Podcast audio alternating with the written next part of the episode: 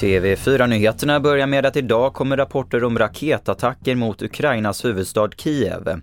Flera explosioner hördes tidigt i morse enligt lokala myndigheter. Men hårdast är fortfarande striderna i Luhansk-regionen i öster där ukrainska styrkor går till motoffensiv. Så till att flera partier nu kräver hårdare lagstiftning mot vapen som tillverkas med 3D-skrivare. Det här efter TV4-nyheternas rapportering i veckan där polisen ser just 3D-vapen som ett växande hot från den kriminella världen. Vi hör Johan Forsell som är Moderaternas rättspolitiska talesperson. Den nya tekniken har sprungit ifrån lagstiftningen här och eh, här behöver man göra en översyn av lagstiftningen för att se om den behöver förändras. Till exempel då när det gäller innehav av, av eh, sån här apparatur för att kunna skriva ut den här typen av 3D-vapen. Och vi avslutar med att försäljningen av fritidshus minskat kraftigt under våren jämfört med förra året. Flera fastighetsbolag säger att försäljningen gått ner med ungefär en fjärdedel.